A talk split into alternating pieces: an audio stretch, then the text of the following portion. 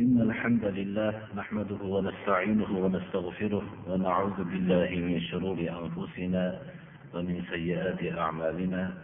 من يهده الله فلا مضل له ومن يضلل فلا هادي له. وأشهد أن لا إله إلا الله وحده لا شريك له. وأشهد أن محمدا عبده ورسوله. أما بعد السلام عليكم ورحمة الله وبركاته. قال الله تعالى يا أيها الذين آمنوا اتقوا الله وكونوا مع الصادقين. وقال تعالى والصادقين والصادقات. وقال تعالى فلو صدقوا الله لكان خيرا لهم. عن أبي سفيان صخر بن حرب رضي الله عنه في حديثه الطويل في قصة هرقل.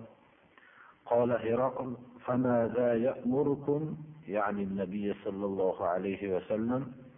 قال أبو سفيان قلت يقول اعبدوا الله وحده لا تشركوا به شيئا واتركوا ما يقول آباؤكم ويأمرنا بالصلاة والصدق والعفاف والصلة alloh subhanahu va taolo qur'oni karimda ey iymon keltirgan kishilar ollohdan taqvo qilinglar va sodiqlar bilan birga bo'linglar qur'oni karimda alloh subhanahu va taolo sodiqlarni sodiq kishilar va sodiqa ayollarni ularga mag'firat hozirlab qo'yganligi va hamda ularga katta darajotlarni hozirlagan kishilarning safida sodiq kishilar va sodiqa ayollarni zikr qildi. Va bu sodiq bo'lishlikni manfaati o'zlariga ekanligini ham mana keyingi oyatda bayon qildi. Rasululloh sollallohu alayhi vasallamning olib kelgan yo'llari sidiq asosiga qurilgan. Heraql rum hukmdori rum mamlakatiga makkadan savdogarlar jamoasi kelgan vaqtda rasululloh sollallohu alayhi vasallamning xabarlari olamga tarqalgan vaqtda shunda heraql makkadan kelgan savdogarlarni chaqirdi. Bu savdogarlarni ichidan talab qildiki shu payg'ambarlikni da'vo qilayotgan kishiga nasabda qarindoshroq bo'lgan kishini. Taban bu kishi abu sufyon edi. Abu sufyon shu davrda yer kurrasida rasululloh sollallohu alayhi vasallamga eng qattiq dushman bo'lib turgan soat edi. Payg'ambarimiz sollallohu alayhi vasallamga yolg'on tuhmatni agar nisbatlashlik bo'ladigan bo'lsa xususan rum hukmdori yer kurrasidagi ikkita hukmdorlikni bittasi va kuchlisi edi. Bu yerga ta'siri o'tib qolmasligi uchun har qancha yolg'on gapirib tuhmat qilishlikka tayyor edi. Lekin abu sufyonni tuhmat qilishlikka imkoniyat bermaydigan tartibni tuzdi. Hamma kishilarni qator qilib agar yolg'on gapiradigan bo'lsa orqadagi kishilar buni yolg'on so'zladi desin deb o'tkazgan suratda ketma ket qilib o'tkazdi shunda bir necha savollar qildi.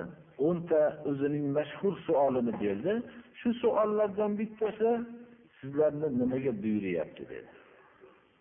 Ya'ni bu yangi payg'ambarlikni da'vo qilgan kishi sizlarni nimaga buyuryapti abu sufyon o'zlari buni hikoya qiladiki keyin islomni qabul qilgandan keyin. Agar rasululloh sollallohu alayhi vasallamga tuhmat qilishlikni ilojini topsam tuhmat qilardim. Bu yerda podshoni huzurida kazzob bo'lib chiqishlikdan tuhmatchi bo'lib chiqishlikdan qo'rqib to'g'ri gapirishlikka majbur bo'ldim deydi. Shu savollarni bittasi heraql nimaga buyuryapti degan vaqtda yakka ollohga ibodat qilinglar. Hech bir narsani sharik qilmanglar. Ajdodiylar aytgan narsadan voz kechinglar deyapti. Namozga buyuryapti va sidiq sodiqlikka buyuryapti. Poklik va silay arham qarindosh urug'lar bilan olloh buyurgan aloqa qilishlikka buyurgan qarindosh urug'lar bilan aloqada bo'lishlikka buyuryapti deb sidiqni ya'ni hatto payg'ambarimiz sollallohu alayhi vasallamning ashaddiy dushmanlari ham biladigan darajada bo'ldiki islom dini sodiqlikka buyurganligi demak sodiqlik bizni dinimizni eng katta ramzlardan bittasidir. Alloh subhanahu va taolo ollohdan taqvo qilinglar va sodiqlar bilan birga bo'linglar deb buyurdi. Biz hozirgi darsimizni mavzusi nima ekanligini eshituvchi kishilar sezib olgan bo'lsa kerak sidiq bizni darsimizni mavzusi bo'lib turibdi. Birinchi oyatni ollohdan taqvo qilishlikka buyurib alloh taolo sodiqlar bilan birga bo'laveradi. Ya'ni islom asosi sadoqat. Shu sadoqatga buyurishlik. Har bir tarixni hamma odam o'zlarining tarixini bir tekshirib ko'rsin. Islomdagi sadoqatdaqa sadoqat bo'lgan emas. Bu ham rasululloh sollallohu alayhi vasallamning davridagi sadoqat u misli ko'rilmagan sadoqat bo'lgan u kishidan ashoblardan keyin tobiinlar ularga yaxshilik bilan ergashgan kishilarni ichida sadoqat nihoyatda bir topildi. Ey iymon keltirgan kishilar ollohdan taqvo qilinglar va sodiqlar bilan birga turinglar. Bu yerda aytilmayaptiki ajdod o'zinglarni biror bir o'rinda ota onanglarni rioya qilinglar yo qarindoshinglarni rioya qilinglar. Shular bilan birga turinglar yo o'zinglarni eski qadrdoninglar bilan birga turinglar. Shunday degan so'z bo'lmayapti. Ya'ni sodiqlar bilan birga turinglar. Har bir narsada sodiqlar safida birga turmoqlikqa alloh taolo buyuryapti. Biror so'z bo'lsin xoh amal bo'lsin shu vaqtda kishi sodiqlar bilan birga turishi kerak. Bu kishini men hatto dushmanida bo'lsa ham shu sodiqlik dushman agar bir so'zni haq ekanligi gapirayotgan bo'lsa shu dushman tarafida bo'l men buni yomon ko'raman lekin shu shu davosida sodiq mana shu to'g'ri aytyapti deb turolishligimiz kerak. استعيذ بالله يا أيها الذين آمنوا كونوا قوامين بالقسط شهداء لله ولو على أنفسكم أو الوالدين والأقربين ey iymon keltirgan kishilar adolatni barpo qiluvchi bo'linglar agarchi bu adolatni barpo qilishlik o'zinglarni zararinglarga bo'lsa ham qarindoshinglarni zarariga bo'lsa ham ya'ni qarindoshlar ichida ota onani zarariga bo'lsa ham adolatni barpo qiluvchi bo'linglar. Bu sodiqlikda turishlik misollari islom tarixida nihoyatda ko'pdir. Shu sodiqlik qur'oni karimda aytyaptiki agar sobit turishadigan bo'lsa bu yaxshilik o'zlariga foyda ekanligini. Shundan shu o'rinda o'tgan payg'ambarlar tarixida bo'lgan sadoqat haqida rasululloh sollallohu alayhi vasallam ashoblarga hikoya qilib berardilar va o'zlarini davrlarida mislsiz suratda sodiqlikni guvohi bo'lindi. Umar ibn hattob roziyallohu anhudan rivoyat qilinadiki سمعت رسول الله صلى الله عليه وسلم يقول انطلق ثلاثة نفر ممن كان قبلكم حتى آواهم المبيت إلى غار فدخلوه فانحدرت صخرة من الجبل فسدت عليهم الغار فقالوا إنه لا ينجيكم من هذه الصخرة إلا أن تدعوا الله تعالى بصالح أعمالكم. قال رجل منهم اللهم كان لي أبوان شيخان كبيران وكنت لا أغبق قبلهما أهلا ولا مالا. فنأى بي طلب الشجر يوما فلم أرح عليهما حتى ناما فحلبت لهما غبوقهما فوجدتهما نائمين. فكرهت أن أوقظهما وأن أغبط قبلهما أهلا أو مالا. فلبثت والقدح على يدي أنتظر استيقاظهما حتى برق الفجر. والصبية يتضاغون عند قدميه فاستيقظا فشربا غبوقهما اللهم إن كنت فعلت ذلك ابتغاء وجهك ففرج عنا ما نحن فيه من هذه الصخرة فانفجرت شيئا لا يستطيعون الخروج منه rasululloh sollallohu alayhi vasallamdan eshitdim deydilar umar ibn hattob roziyallohu anhu uch kishi kishi uchta nafar sizlardan ilgarigi kishilardan safar qilishdida ularni bir g'orda yotishlikka to'g'ri keldi. Ular g'orga kirishdi va tog'ning tepasidan bir tosh tushib g'orni bekitib to'sib qoldi. Ular aytishdiki bu toshdan endi sizlarga alloh subhanahu va taologa solih amaliylar bilan duo qilishlikdan boshqa narsa qutqarmaydi dedi. Shunda bittalari so'z boshladi. Ya'ni biror bir solih haqiqiy sadoqat bilan qilgan amaling bormi? Shu amalni alloh subhanahu va taologa vosita qilib duo qiling. Xudoyo shu amalni o'zingni rizoying uchun qiluvdim sodiqlik bilan qiluvdim menga najot ber deb duo qilib allohga duo qilishlikdan boshqa narsa qutqarmaydi. Inson hayotida bir nazar tashlasa sodiq bir amalni qilganligini topolmaydi. Har kim o'zini bir hayotiga bir nazar tashlasin. Bironta bir sodiq bir amalni qildimmikin? Biror bir ollohni rizosi uchun bir yagona bir amal qilib shuni minnat qilmasdan kelyapmanmi degan savolni bersa ha mana bu amaling degan kishilar kam kishilar topiladi.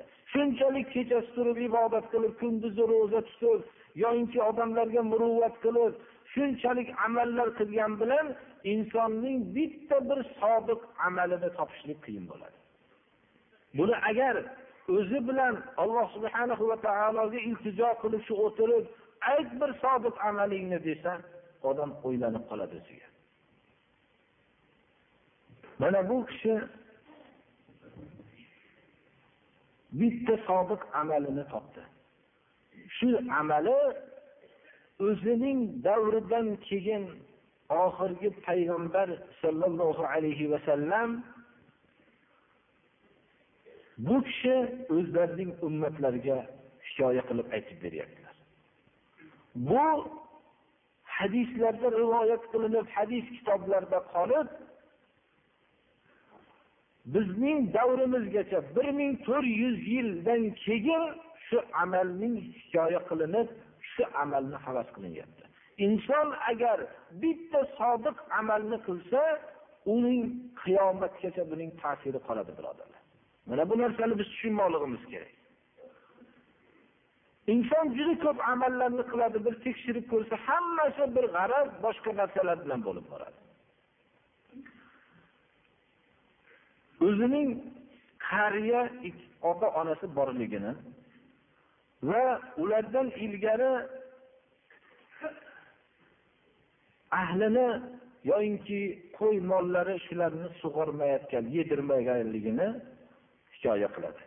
Ya'ni farzandlardan ilgari va qo'y mollarini yedirishlikdan ilgari avval ota onalarini yedirib shundan keyin o'zini farzandlariga yediradi. Ichirganligini va ba'zi bir mashg'ulot bilan ovora bo'lib ular uxlab ovqatlarini olib kelgan vaqtda uxlab qolganliklarini uxlab qolgan vaqtlarida ularni uyg'otishlikni xohlamasdan ovqatni qo'lida ko'tarib turgan holatda tong otguncha kutib qolganligini hikoya qiladi. Bolalar shunda qadamimni oldida yolborib turgan holatda tong ottirganligini va uyg'otishlikni bezovta qilishligini xohlamaganligini hikoya qiladi. Shu narsani allohni rizosi uchun hayotini ota onasiga bo'lgan hurmatni ollohni rizosi uchun o'tkazganligini vasila qilib shu o'rtada duo qilganligi. Agar shu amalimni qabul qilgan bo'lsang shu turgan holatimizdan najot bergin deb duoda bo'lganliklarini rasululloh sollallohu alayhi vasallam bizlarga hikoya qilib beryaptilar. Va ma'lum bir miqdorda toshni jilganligini. Ikkinchilari inson bu narsa tekshirib ko'rsak ya'ni o'zining ota onasiga ko'rsatgan hurmatning yuqori qismi. Biz o'ylashimiz mumkinki bu farzandlaridan ota onalarini muqaddam qilib va o'zini shu holatda ota onaga hurmat ko'rsatishlik juda ko'p kishida topilishligi mumkin. Deb bu bu sodda amalga o'xshab ko'rinadi bizga. Lekin hayotimizga bir o'zimiz hayotimizga o'zimiz ota onamizga qilayotgan hurmatga bir qarasak bu bitta amalda sodiq qolishlik birodarlar juda kam kishiga nasib bo'ladi faqat bir amalni o'zida sodiq qolishlik juda qiyin birodarlar alloh subhanahu va taolo bir madad bergan kishilargina shunda sodiq qoladi ikkinchi kishi اللهم إنه كانت لي ابنة عم كانت أحب الناس إلي. وفي رواية كنت أحبهما كأشد ما يحب الرجال النساء فأردتها على نفسها فامتنعت مني حتى ألمت بها سنة من السنين. فجاءتني فأعطيتها عشرين ومائة دينار على أن تخلي بيني وبين نفسها ففعلت حتى إذا قدرت عليها وفي رواية فلما قعدت بين رجليها قالت اتق الله ولا تفض الخاتم إلا بحقه. فانصرفت عنها وهي أحب الناس إلي وتركت الذهب الذي أعطيتها. اللهم إن كنت فعلت ذلك ابتغاء وجهك فافرج عنا ما نحن فيه. فانفرجت الصخرة غير أنهم لا يستطيعون الخروج منها. Ikkinchi kishi o'zining amakisini qizi bo'lganligi va bu amakisini qizini nihoyat darajada yaxshi ko'rganligini va undan nafsidan maqsad qilib yurganligini u amakisining qizini bundan bosh tortganligini va bir vaqt topib bir yuz yigirma dinor berganligi o'zi bilan xoli bo'lishlik shartiga shuncha miqdordagi boylik berganligini va uning qabul qilib rozi bo'lganligi shu o'zining buzuq maqsadini o'tayishlik imkoniyati bo'lgan vaqtda ollohdan qo'rq degan so'zni amakisining qizidan eshitgan vaqtida bosh tortib bu buzuq ishdan bosh tortib ketganligini faqat ollohdan qo'rqib sodiqlik bilan shu amalni qilganligini shu amaldan ya'ni buzuq amaldan bosh tortganligi ollohniga sodiqlik bilan shu ishni bosh tortganligini bayon qilganligini rasululloh sollallohu alayhi vasallam bizga bayon qilib beryaptilar va bu kishining xudoyo shu amalni o'zingni rizoying uchun qilgan bo'lsam sodiqlik bilan qilgan bo'lsam shu turgan musibatdan najot bergin bizga. Deganlarida tosh yana bir ma'lum bir miqdorda kishilar sig'maydigan miqdorda ochilganligini bayon qilinyapti. Mana bu narsa ham inson o'zining o'zi bilan nafsi o'rtasidagi kurashdagi sadoqat bilan g'alaba qilganligini misolidir.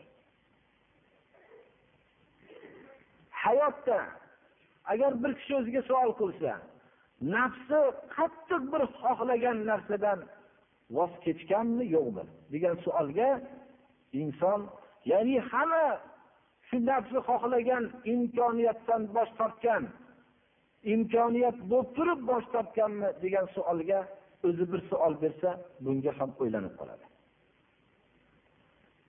Rasululloh sollallohu alayhi vasallamning mana avvalgi darslarimizda aytib o'tdikki davrlarda bir baliq yeyishlikni xohlagan sahoba uzoq kasallikdan keyin baliq yegilari kelib nafslari shu bir baliqni yeyishlik birodarlar buni nafs xohishi degani ham odam hijolat bo'ladi.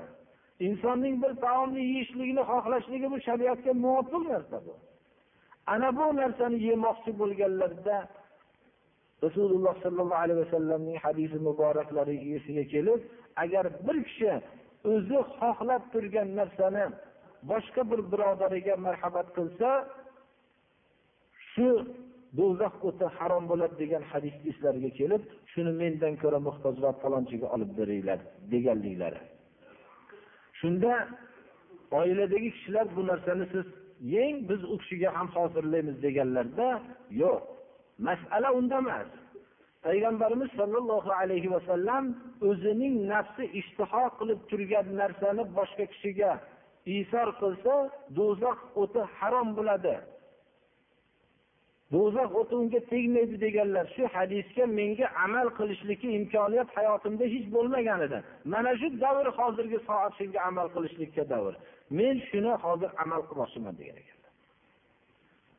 Insonga ham shunday bir hayotida bir imtihon davri keladiki shu o'zining nafsi xohlagan narsa xohlab turib shu narsani boshqaga ilinadigan davr bir marta yo ikki marta kelishi mumkin. Lekin biz shu qulay fursatdan foydalana olamizmi yo'qmi? Olloh biladi. Mana bu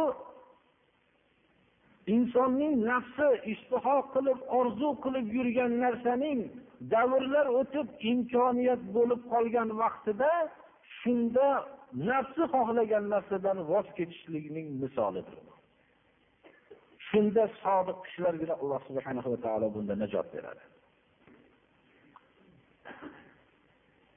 uchinchilari وقال الثالث اللهم استأجرت أجراء وأعطيتهم أجرهم غير رجل واحد. ترك الذي له وذهب. فثمرت أجره حتى كثرت منه الأموال فجاءني بعد حين.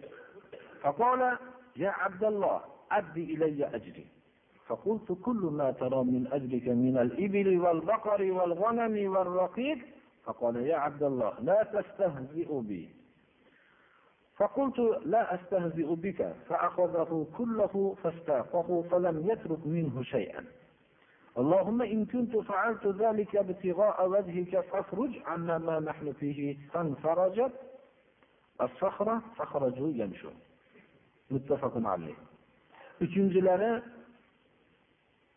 bu bizni davrimizdagi kishilar bu imtihondan chiqolmaydigan misol bo'lsa kerak lekin buni o'qib bildirib qo'yaveramiz bu hozirgi iqtisodiy tanglik vaqtida kishilar tamomiy olloh saqlasin hozirgi davrda faqat iqtisodni borib borib dinsizlarga o'xshagan asosiy masala qilib ketayotgan soatda bu imtihondan chiqadigan kishilar juda kam bo'lsa kerak. Va biz eng muhtoj bo'lgan misol ham shu bo'lsa kerak. Bu qiyomatgacha bu uchov surat topilaveradi, birodarlar.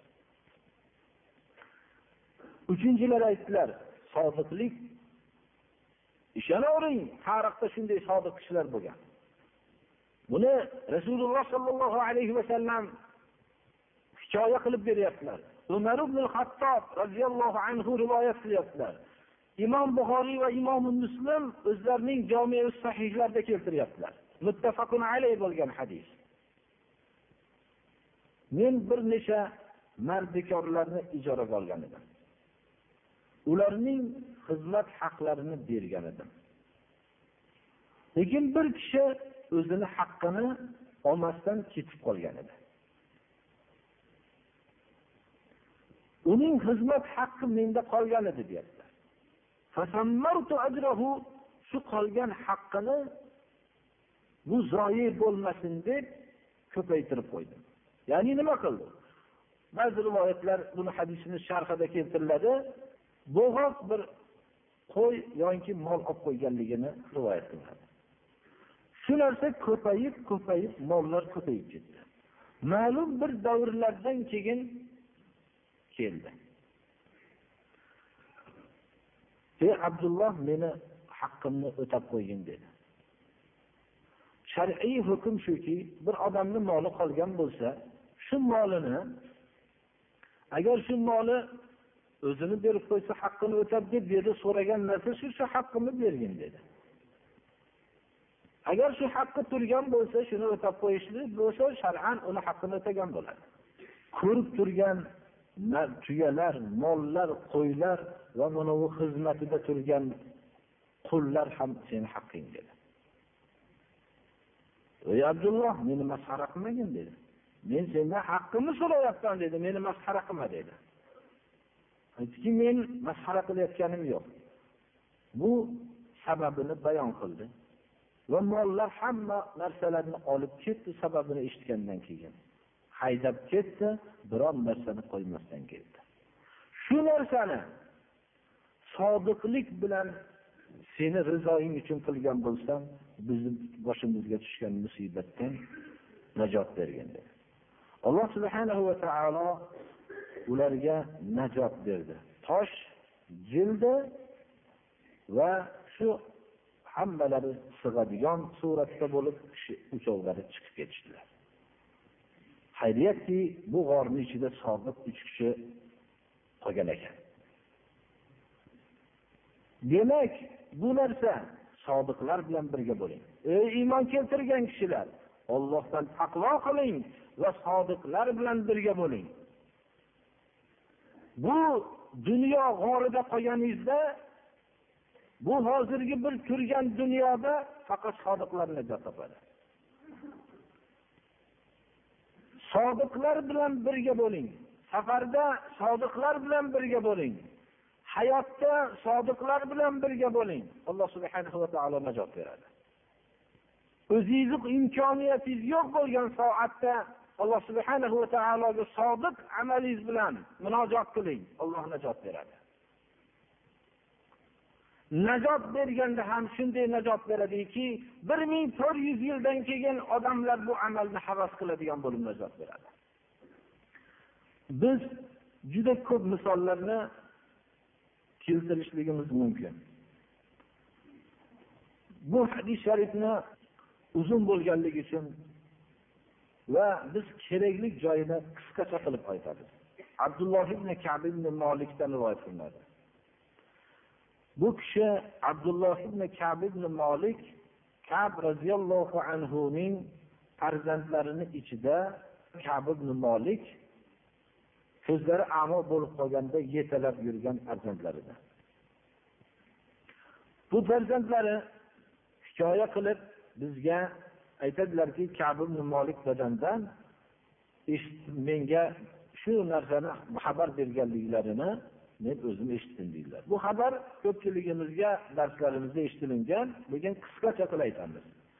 Tabuk g'azotida Rasululloh sallallohu alayhi va sallam kim Allohga va qiyomat kuniga iymon keltirgan bo'lsa, Madinada Ramazon oyida hozir bo'lsin dedilar.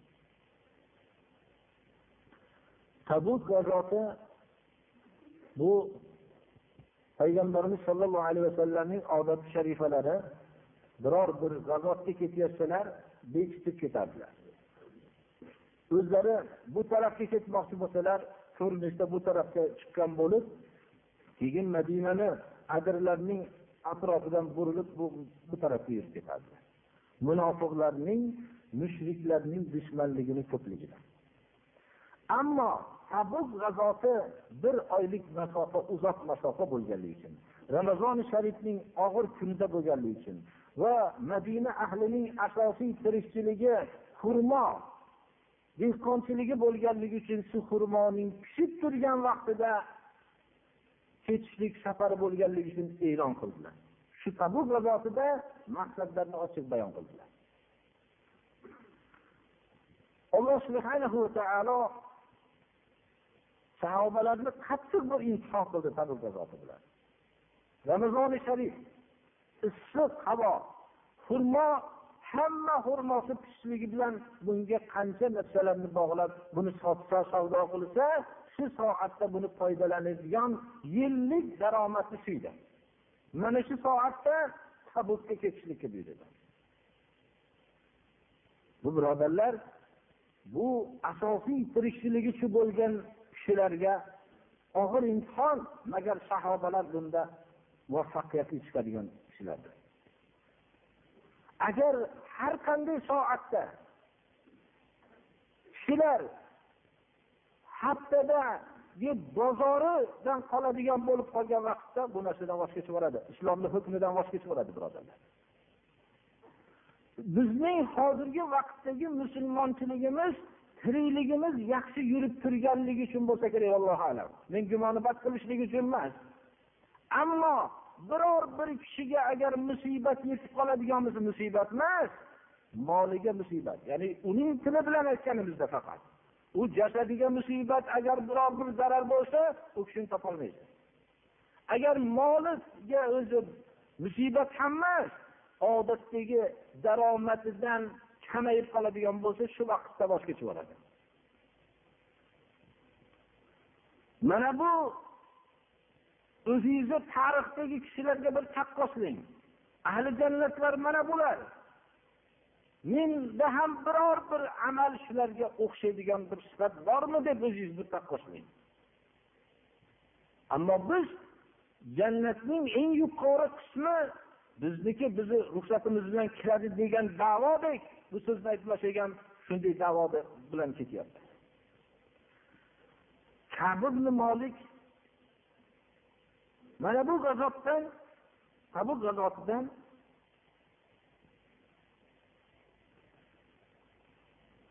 ya'ni biror g'azotda deydilar kabi molik qolgan emasman hamma g'azotda rasululloh sollallohu alayhi vasallam bilan ishtirok etganman ko'ryapsizmi? Hamma ishda ishtirok etgan. Tabukda qolganlar. Lekin badrda qolganliklari uzr bilan qolganliklari ma'lum. Rasululloh sollallohu alayhi vasallam bilan kishilar chiqib ketdi. Kim uzr aytgan bo'lsa zohirlarga kifoya qilib uzrlarni qabul qildi. Ba'zi vaqtda men bir o'zim ta'sirlanaman. Umumiy tilda aytaman shu narsani. Shunda tabuk g'azotida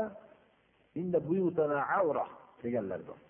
Uyimizni hovli tomonimiz ochiq shuning uchun men qolib turmasam uyimizga bir har xil hujumlar bo'lib qolishligi mumkin deyishgan. Qur'oni karim shunday deyishadi. U ochilmas uylarni atrofi. Shu qochishlikni maqsad qilishyapti. Deb alloh taolo menga ham ba'zi vaqtda bir savol bo'lib qolganki biror bir diniy xizmatni o'zimni boshimdan o'tgan narsani aytmoqchiman. Bir xizmatni ba'zilarga buyurgan vaqtimizda uyimiz devori ochiq degan vaqtda shu oyatni esimga keladi. Nahotki odamlar shunaqa dermikin deb o'ylardim men uyimizni orqasi ochiq shuning uchun men sal hozir bu ishni qilolmayman bu diniy xizmat bir g'azot yo boshqa ish emas birodarlar. Oddiy bir diniy xizmat bo'lganda nahotki odam uyimizni orqa tarafi ochiq dermikin? deb o'ylardim. Lekin shu narsani alhamdulillah hayotimda eshitdim shuni. Shunday deganlarni darrov ruxsat berdilar. Payg'ambarimiz sollallohu alayhi vasallam. Bu kishi kab ibn molik kim? Laylatul aqabada ishtirok etgan kishi. Laylatul aqaba rasululloh sollallohu alayhi vasallam bilan og'ir holatlarda birga bo'lganlar. Xullas tabuk g'azotida uch kishi qoldi xolos. Boshqa munofiqlar ham qoldi.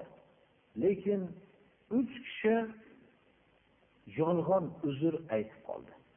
Payg'ambarimiz sollallohu alayhi vasallam birovni yolg'on so'zlagani rost so'zlaganiga qaramasdilarda zohirda uzr bor deb shundan uzrini zohirini qabul qiladilar.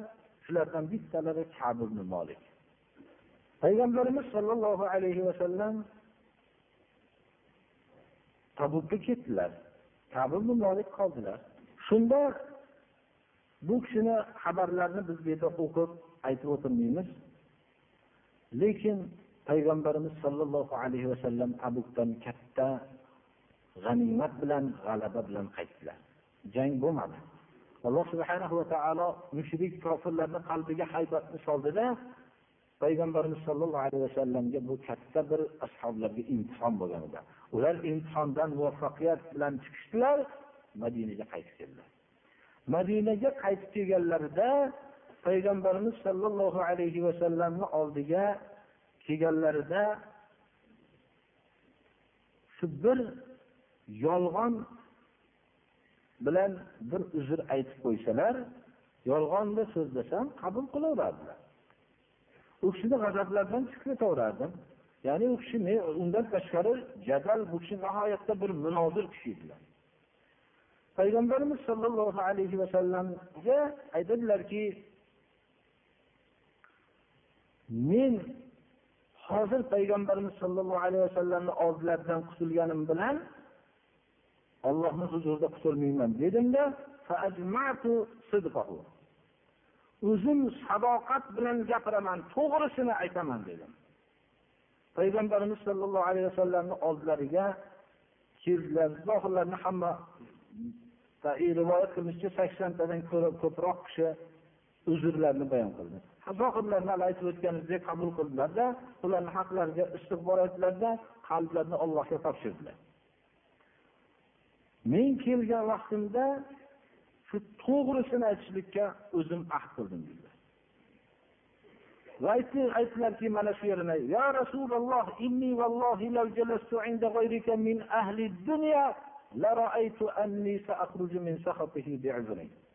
لقد أعطيت جدلا ولكنني والله لقد علمت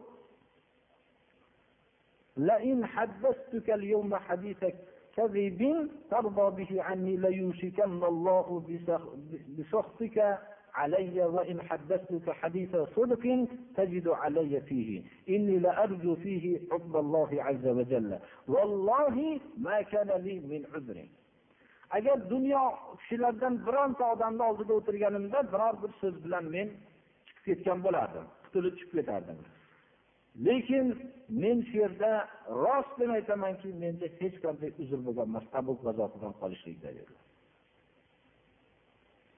rasululloh sollallohu alayhi vasallam aytdilarki ammo bu to'g'ri aytdi dedilar. Ollohni hukmi nima bo'lsa shuni tur o'rningdan dedilar. Bu kishi juda qattiq bir azob tortdilar. Bu ellik kun hech kim gapirmadi. Ellik kun oilalari gapirmadi. Oilalarni xizmat qilishlikdan rasululloh sollallohu alayhi vasallam man qildi. Man qildilar. Biror bir kishi hattoki amakilarini o'g'lini eng yaxshi ko'radilar u kishiga salom bersa salomlariga javob qaytarmadilar bilmaymanki labini qimirlatdimi yo'qmi deb rivoyat qiladilar. Lekin sodiqlik bilan ellik kun juda qiyin azob tortdilar. Hatto bu kishi kabib molik nihoyatda bir gapga usta mo'tabar kishilardan edi g'assonni podshohi mana bu soat hammamizga ham bilib oladigan soat. G'assonni podshohidan maktub keldi. Maktub keldiki sizni birodaringizga siz ma'qul bo'lmay qolgan bo'lsangiz bizga ma'qulsiz keling nihoyatda sizga hamma narsa tayyor degan. G'asson podshohi bu mushrik edi. Kabul molik aytadilarki bu ham menga bir imtihon dedimda buni tandirga solib yoqibordim dedilar inson bir kishidan g'amgin bo'lib turganda sodiqlik bilan sodiqlikni jazosini tortib turganda kazzob xaridor chiqadi birodarlar. Kazzob xaridor chiqqanda shunday o'tganligingiz bu tamom ishim bilan imtihonda yiqilasiz sodiqlik bilan ellik kun payg'ambarimiz sollallohu alayhi vasallamning oldilariga kelib salom bersam haligi oldilarmi haligi olmadilarmi bilmayman. Shunday holatda qoldim dedilar. Ellik kundan keyin payg'ambarimiz sollallohu alayhi vasallamga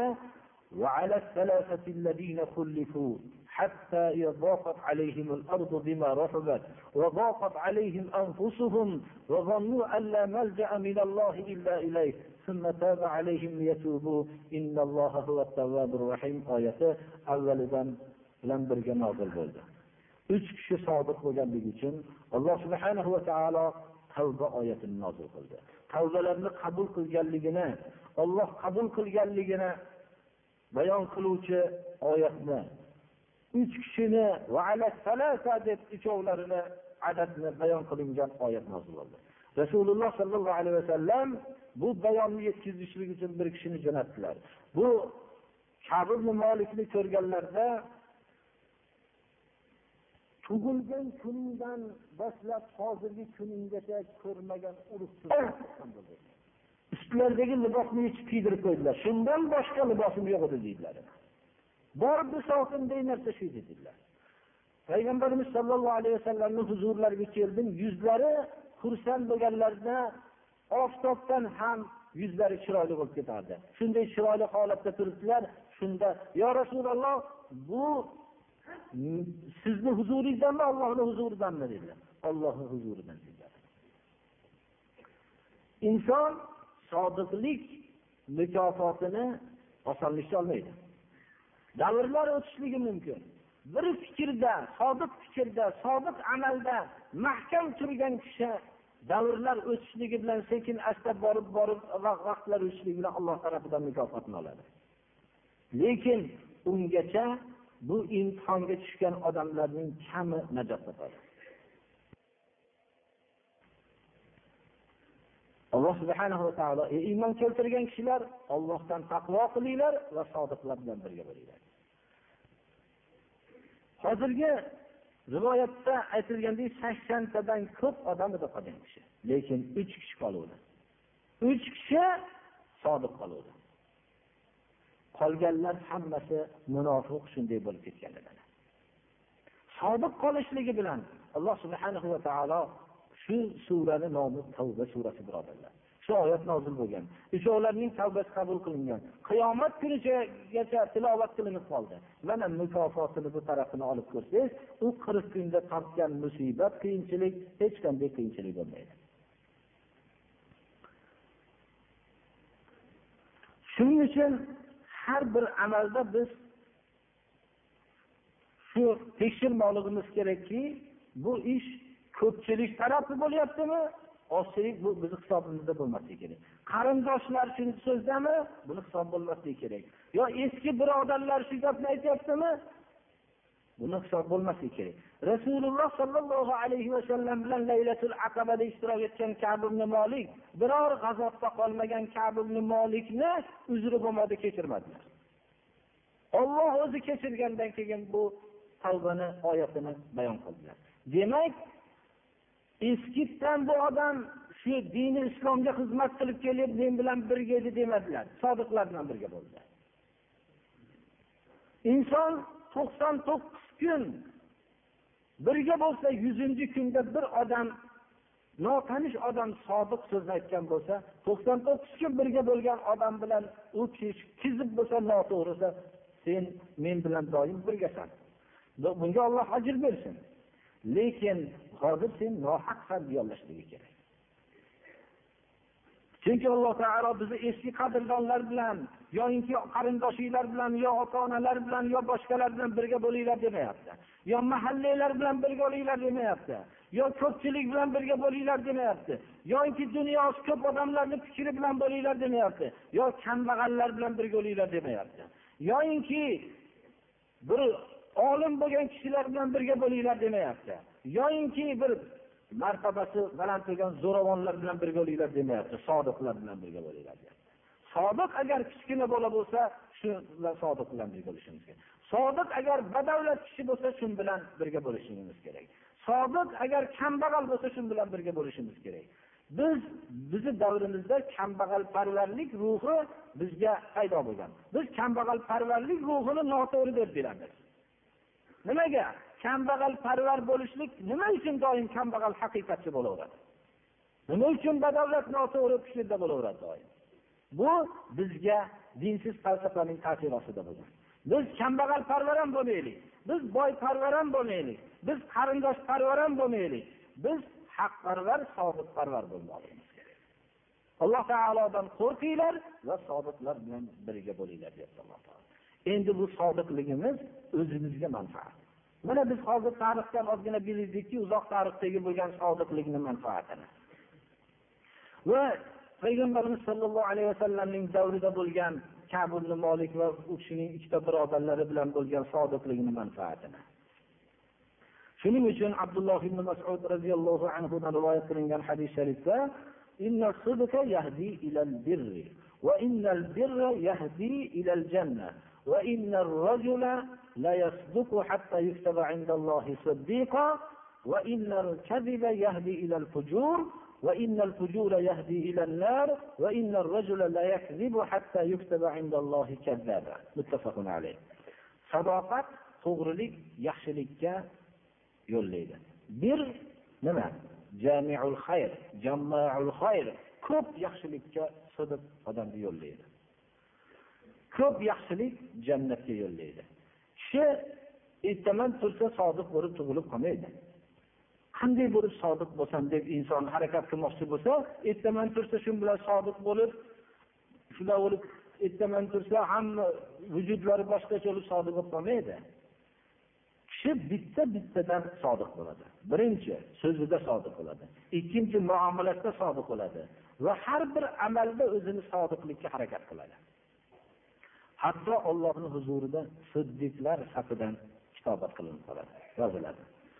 Yolg'on kazzoblik ham birdan ertaman tursa bir kishi kazzob bo'lib qolmaydi.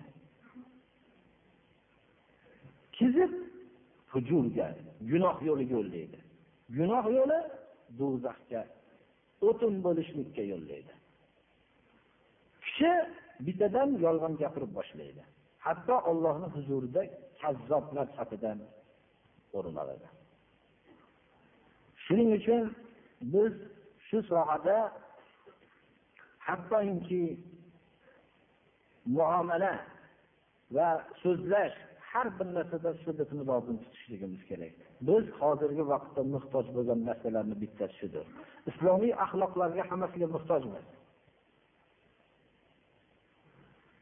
Rasululloh sollallohu alayhi vasallam davrlarida shahodatni ko'p kishi shahid bo'lib duo qilsinlar deydilar من سأل الله تعالى الشهادة بصدق بلغه الله منازل الشهداء وإن مات على فراشه alloh subhanahu va taolodan shahodatni bir kishi so'rab yurgan bo'lsa sadoqat bilan so'ragan bo'lsa to'shagida vafot bo'lgan bo'lsa ham shahidlarni manzilini alloh taolo unga beradi sidiq ya'ni sadoqat bilan so'raganda hatto mana shu narsa vujudga keladi. Sidiq shunday amalki birodarlar qalbdagi sadoqat shunday amalki bir kishi sodiqlik bilan biror bir joyda yaxshi amal bo'lgan bo'lsa sodiqlik bilan niyat qilsaki men shu amalda men bo'lmabman deb attang qilib orzu qilib sadoqat bilan niyat qilsa shu amalni qilganlarni safidan o'rin oladi. Gunoh ham shunga o'xshagan. Gunoh ishni bir joyda bo'ldiyu g'oyibda. Ko'rmaydigan joyda bo'ldiyu shu gunohda men ham bo'lmabman deb qalbidan shuni havas qilgan bo'lsa shu gunohni yoziladi agarchi qilmagan bo'lsa. Sidiq insonning yaxshilik va yomonlikka yetishligiga sabab bo'ladi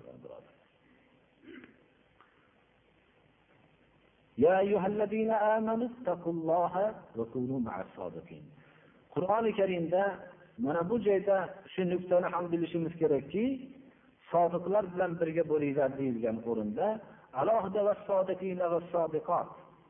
Sodiq kishilar va sodiqa ayollar deb keltirilganligi bu narsa alohida ayollarni ham zikr qilinganligi sidiq bu nihoyatda islomning asosiy ramzlar ekanligiga dalolat qiladi.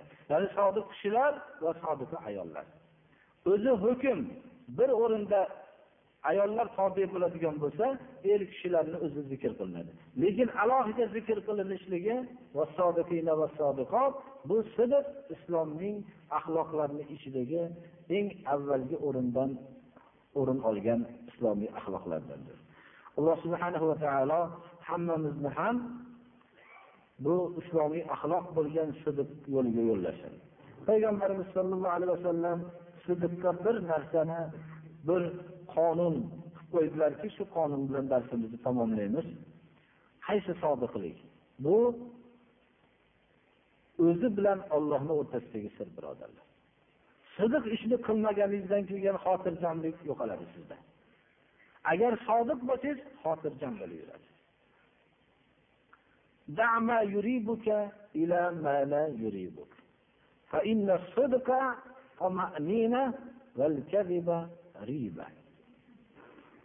shubha qilgan narsangni tashlab shubha qilmagan narsangga o'tib ketaver dedilar chunki sidiq xotirjamlikdir.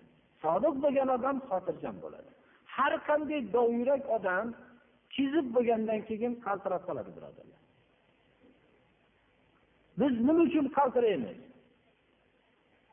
Haqiqiy qalb bilan shahodatni ollohdan so'ramaganmiz. Shahid bo'lishlikni ollohdan sodiqlik bilan so'ramaganmiz. Shuning uchun shu narsa bizni qo'rqitadigan muomalada sodiq emasmiz. Guvohlar hozir bo'lishdan qo'rqamiz. Bular hammasi sodiqlik yo'qolgandan keyin odamda xotirjamlik yo'qoladi. Har qancha jismoniy doira bo'lsa ammo jismoniy har qancha zaif bo'lsa sodiqlik bo'lsa undagi xotirjamlik dovyuraklikni o'lchab bo'lmaydi birodar payg'ambarimiz sollallohu alayhi vasallam sidiq bu xotirjamlikdir. Yolg'on shubhadir. Doim hadiksirash shu shubhadan iborat bo'ladi. Sidiq nima degan savolga mana shu javob bo'ladi. Alloh subhanahu va taolo hammamizni islomiy axloqlarga muttasil qilsin. Alloh subhanahu va taolo bugungi darsimizda sidiq axloqini hammamizga parvardigoro nasib qilsin. Bu bir necha sohalardagi sadoqatni bir qisqacha aytib o'tilindi. Hamma sohani aytishlikka juda endi vaqt ko'p ketganligi uchun ba'zi bir sohalardan mana zikr qilgan bo'ldik. Alloh subhana va taolo bizlarni ham sodiqlar bilan birga bo'lishlikka buyuribdi. Bizni ham alloh taolo sodiqlar bilan birga bo'lishlikni nasib qilsin.